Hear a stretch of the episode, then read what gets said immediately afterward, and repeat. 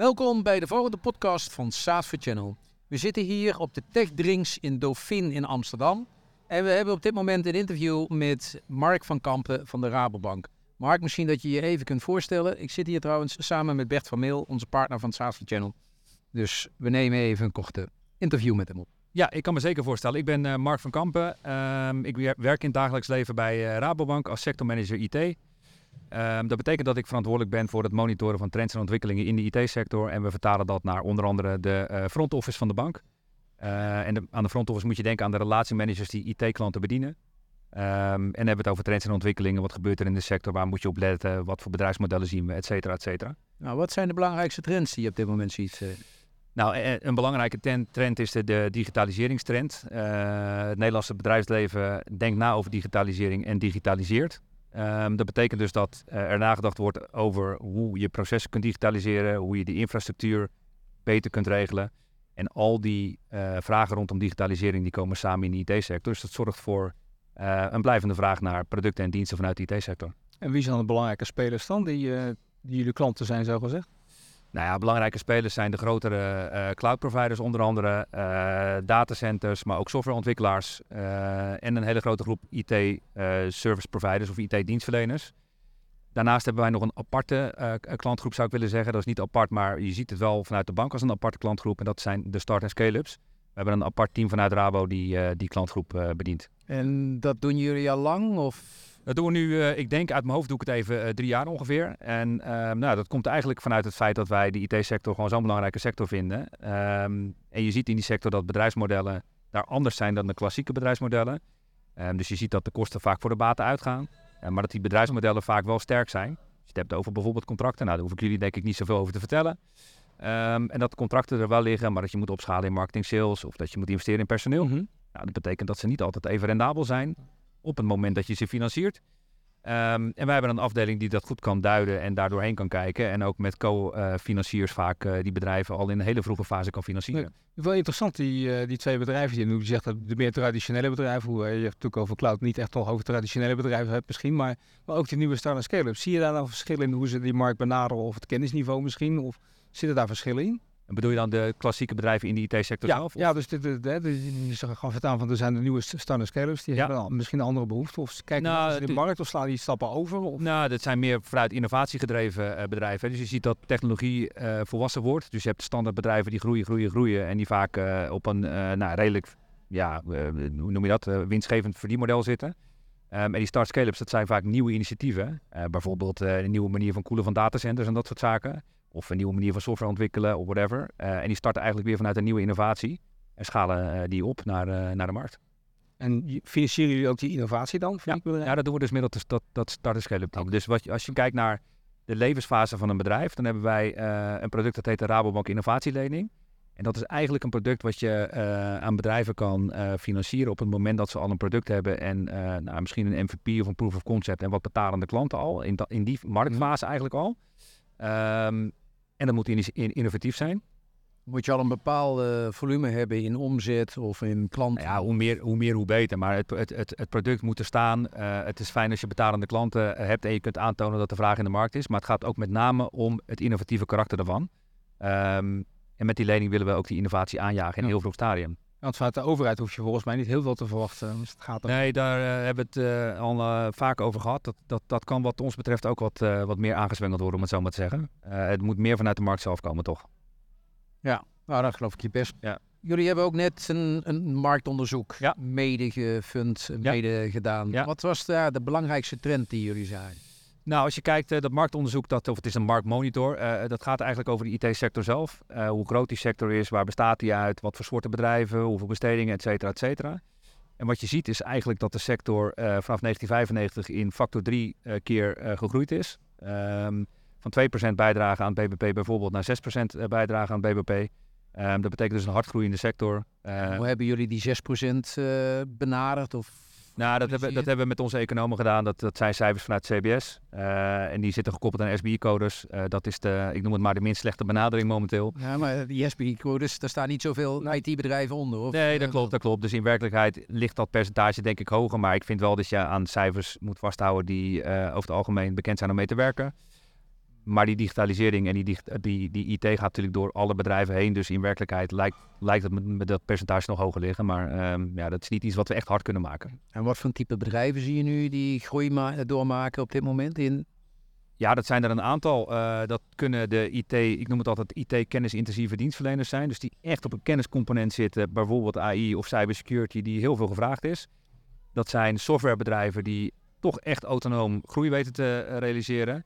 Eh, maar dat zijn ook nog steeds de eh, managed hosting providers die ehm, eh, enerzijds autonome groei weten te realiseren, maar anderzijds ook veel overnames doen. Dat is ook een onderdeel van het rapport. Je ziet heel veel overnames in die IT-sector. Consolidatie. Consolidatie? Nou, het is, het, is, het is consolidatie, maar het ligt denk ik breder. Het is enerzijds consolidatie, dus ik wil gewoon een, een grote speler worden op bijvoorbeeld in, in de cloud bijvoorbeeld. Dus ik wil gewoon schaal hebben, ik wil klanten kopen. Maar het is ook diversificatie. Hè? Dus ik zie dat mijn bestaande productenpalet, dat de marges onder druk komen te staan. Ehm, bijvoorbeeld, ik doe infrastructuurdiensten, maar ik moet daar applicatie bij aanbieden of andere diensten om relevant te blijven. En dan word je eigenlijk voorwaarts in de keten worden er allerlei bedrijven overgenomen. Oké. Dus het is ook eh, verticale ja, samenwerking. Ja, het, is, het is best wel een, eh, een, ehm, een grote dynamiek. Ook bijvoorbeeld onder eh, Microsoft resellers zie je ook consolidatie. Hè? Dus Microsoft en SAP bijvoorbeeld, wat tegen elkaar aangezet wordt. Dus het speelt op heel veel vlakken. Oké, dat is mooi. Dus, dus dat zijn leuke trends. Als ik geme- en ik ga kijken naar de gemiddelde grootte van een dergelijk bedrijf, hoe, hoe verhoudt zich dat? Eh, waar praten we over? Eh, het zijn eh, veel MKB-bedrijven, dus het zijn veel kleinere bedrijven. Het zijn ook heel veel ehm, zelfstandigen. Dus als je het hebt over echt de grotere bedrijven, dan zit dat denk ik ehm, tussen de 7 en de 5 procent in, in, denk ik. De rest is allemaal MKB. Mhm. Ehm, dus met name de wat kleinere bedrijven in Nederland die ehm, ja, erg gefragmenteerd zijn. En bijvoorbeeld als je kijkt naar softwarebedrijven, Ja. een bepaalde technologie hebben eh, en dat eigenlijk best wel goed doen. En daar een goede boterham mee kunnen verdienen. Zit er ook veel internationalisatie in? Of? Steeds meer. Eh, maar dat, eh, in eerste instantie zie je dat de Nederlandse markt nog groot genoeg is voor die bedrijven. Ja. Eh, maar, en ook dat is weer een trend voor die overnames. eh, bijvoorbeeld private equity kijkt naar de Nederlandse markt, maar ook daar eh, buiten, naar Duitsland of naar eh, omring- omringende landen om die bedrijven op te schalen. Ja. Maar ik zie ook bijvoorbeeld, we hebben natuurlijk heel veel datacenters en data-omgevingen. We trekken eh, vanwege ook ons grote knooppunt in, Ja. in Amsterdam, trekken we natuurlijk heel veel bedrijven aan. Ja. Zien jullie dat ook terug? Dat zien wij eh, eh, ook terug. Dat wordt de laatste tijd wel wat minder, omdat we natuurlijk daar de discussie hebben rondom de vergunningen. Hè, en de nieuw, nieuw te verlenen datacenter eh, eh, vergunningen. Wat vind je daarvan vanuit Nou, ik vind wel dat eh, de, de datacenterwereld ehm, eh, na moet denken over hoe ze beter eh, met elektriciteit omgaat. En, en een onderwerp wat ook vergeten wordt vaak is water. Er moet heel veel water gebruikt worden om te koelen. Ja, daar hebben- heeft de sector echt een opgave om, om zeg maar die energietransitie ook wel eh, ehm, eh, te bewerkstelligen. En je ziet ook vanuit de, apparatuurleveranciers, zeg maar, de storage-omgevingen, dat die ook steeds meer daarop ja, hun TCO zeg maar, gaan, gaan stoelen. Zeg maar. dat, dat je, je ziet van ja, je hebt gewoon minder footprint eh, of eh, eh, elektriciteitsverbruik en koeling nodig als je, nou, door die innovatie in, in die producten. Ja, en kijk je naar duurzaamheid als algemeen onderwerp in de hele sector. Hè? Als, je het, als je het vergelijkt met bijvoorbeeld de industrie of de automotive, heeft de IT-sector aan zich qua CO2-reductie niet de grootste opgave. Maar specifiek op dat datacenterstuk wel. Ja. Maar je ziet ook dat duurzaamheid voor IT-bedrijven steeds belangrijker wordt. Dus die gaan ook kijken van oké, waar ga ik datacenterruimte inkopen en is dat groen of niet? Want als je kijkt naar eh, strategisch eh, het onderwerp duurzaamheid, dan staat dat steeds meer op de agenda voor eh, IT-bedrijven, ook om medewerkers aan te trekken. En dat soort keuzes horen er ook bij. En is dan die keuze dat voor de, de hyperscalers dan voor de hand liggende of voor de lokale spelers? Kan je daar iets over zeggen? Ja, dat kan. Dat was tot, nou, tot voor kort wil ik niet zeggen, maar da- daar zag je vaak wel de hyperscalers het voordeel hebben. Ehm, je ziet nu wel dat er ook een terugtrekkende beweging is vanuit die hyperscalers naar lokaal. Omdat er aanspreekpunt is benodigd. En vaak is een public cloud oplossing alleen niet de juiste oplossing voor een eindklant. Eh, het kan een hybride zijn, het kan een private cloud zijn. Ehm, en het derde wat meespeelt is het kostenaspect. Dus als jij bij die hyperscalers zit, dan ehm, zijn die kosten ook best wel hoog voor bedrijven soms. Die worden eenzijdig wel eens verhoogd. Ik wil zeggen, ze zijn meer onvoorspelbaar, denk ik. Hè? Dat, dat, Die dat- zijn onvoorspelbaar, waardoor je ehm, ja, daar afhankelijk van wordt. En dat vinden partijen gewoon minder lekker. Ze hebben ze liever een lokale speler waar ze mee kunnen schakelen. Ja, dat en waar ze ook naartoe kunnen luisteren wat aan de hand is. Eh, dat ze een aanspreekpunt hebben en dat die, die, die infrastructuur en die omgeving gewoon ingericht wordt naar de behoeften van die klant. En niet om gewoon spullen te verkopen. En dan zeg ik het wat zwart-wit, maar dat zie je best vaak af en toe. Dus je blijft nog steeds eigenlijk zien een, een rol voor ook weer de lokale hosting provider, de lokale Ja. speler in dit. eh, Waarbij die lokale hosting providers wel eh, mee moeten gaan met de technologie. Dus die zullen wel een bepaalde schaal moeten hebben om dat te kunnen doen. Daar komt natuurlijk het investeringsplaatje ook wel om de hoek kijken natuurlijk. Klopt.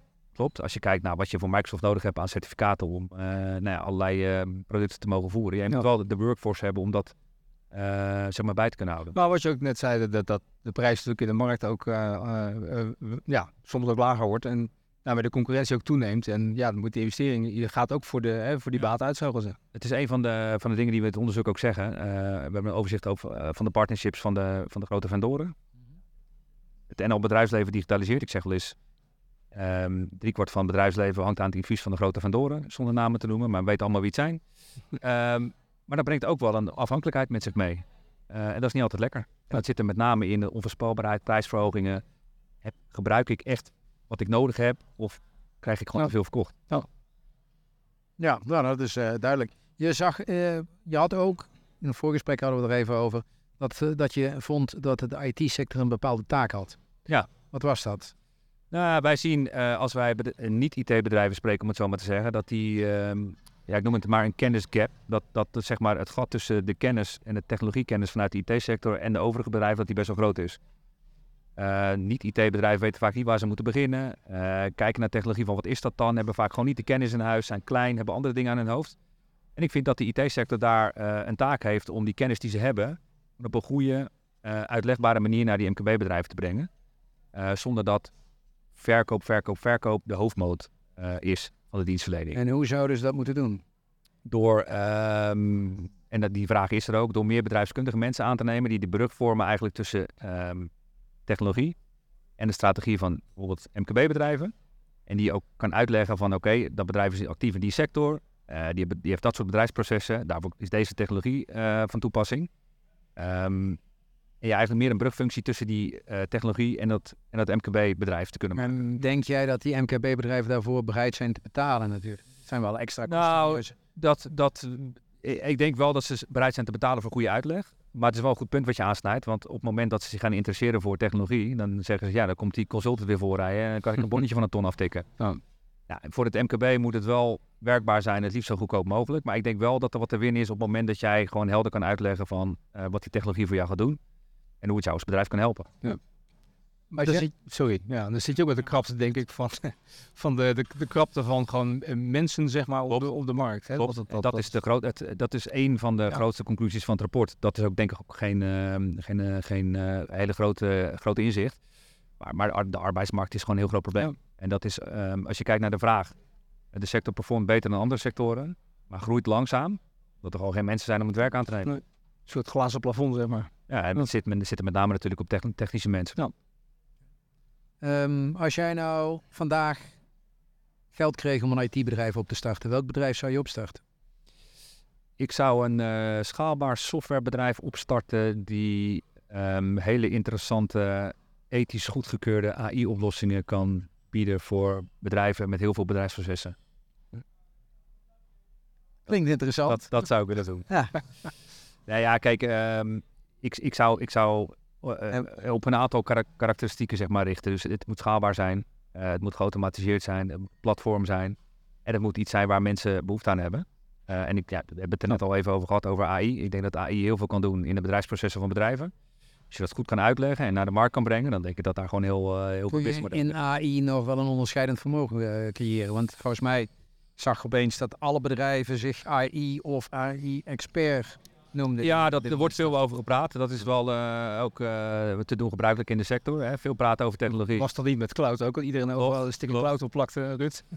Eh, ja, wat, wat nu gebeurt. Ja. Ik zag net een eh, staatje van 70% van de bedrijven zitten in de cloud of Ja. doen iets in de cloud. Nou, ik denk- Dat was tien jaar geleden Ja. bijna nieuw. eh nieuw. Nee, dus ik denk dat daar zeker eh, potentie in ligt. Alleen op het moment dat je... Je moet er niet over praten, maar je moet gewoon inzichtelijk maken. Dus je moet kunnen zien hoe... Ja. Laten zien, beter gezegd, AI voor jouw bedrijf kan werken. Ja. En wat het je oplevert. Heel veel MKB-bedrijven hebben echt moeite. En die, die, die concentreren zich echt op die ROI. Dus wat, waarom moet ik digitaliseren en wat krijg ik ervoor terug? Nou, ik denk dat je met AI, op die, op die ROI-as... Dat je daar best een interessante business case kan bouwen voor bedrijven die ermee kunnen gaan werken. Los van de ethische discussie allemaal, maar... Ja. We komen langzamerhand aan het einde van het interview. We zijn alweer een eh, kwartier over hele leuke en interessante eh, zaken aan het praten. Als jij onze doelgroep is een beetje ondernemers in de IT, juist je ze één advies zou mogen geven. Wat zou het advies zijn wat je ze zou kunnen geven? Dat advies eh, zou zijn, waar, eigenlijk een beetje waar we het net over gehad hebben, eh, maak die connectie met bedrijven in andere sectoren. Eh, leg uit wat je verkoopt. Leg uit wat de technologie is. En probeer zeg maar na te denken over hoe je over de bühne kan brengen dat IT of dienstverlening een meerwaarde kan hebben voor bedrijven in andere sectoren. En ik denk dat eh, als je dat aanvliegt vanuit een strategieview, dus niet vanuit een technologische Nee. perspectief, ehm, dat je dan best veel ondernemers voor je kan winnen. Als je gewoon eens begint bij een strategie, wat doet je bedrijf nu? En welke oplossing hebben wij nu? Aan welke kant van het businessmodel die jou kunnen helpen?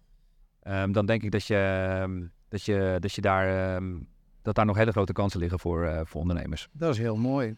Mark, hoe kunnen ze jou bereiken? Ze kunnen mij bereiken door eh, op LinkedIn te kijken, door te googlen op eh, Mark van Kampen Kennis, rabo.nl. Ehm, daar staan allerlei artikelen die we geschreven hebben. Ehm, dus ja, dat zijn denk ik de belangrijkste kanalen. Nou, Prima. mag ik jou hartelijk danken voor dit interview. Dankjewel. Graag gedaan. Dankjewel. En ehm, nou, we kunnen alle informatie, ook voor Mark en wat we binnenkort hebben, en het rapport wat die binnenkort gepubliceerd wordt, of in ieder geval gepubliceerd wordt wanneer we deze podcast publiceren, zijn te vinden op www.saasforchannel.nl. Dankjewel. Jullie ook bedankt. Bedankt voor het luisteren naar de podcast van SaaS for Channel. Wilt u meer weten over wat er besproken is? Kijk dan op onze website saasforchannel.nl.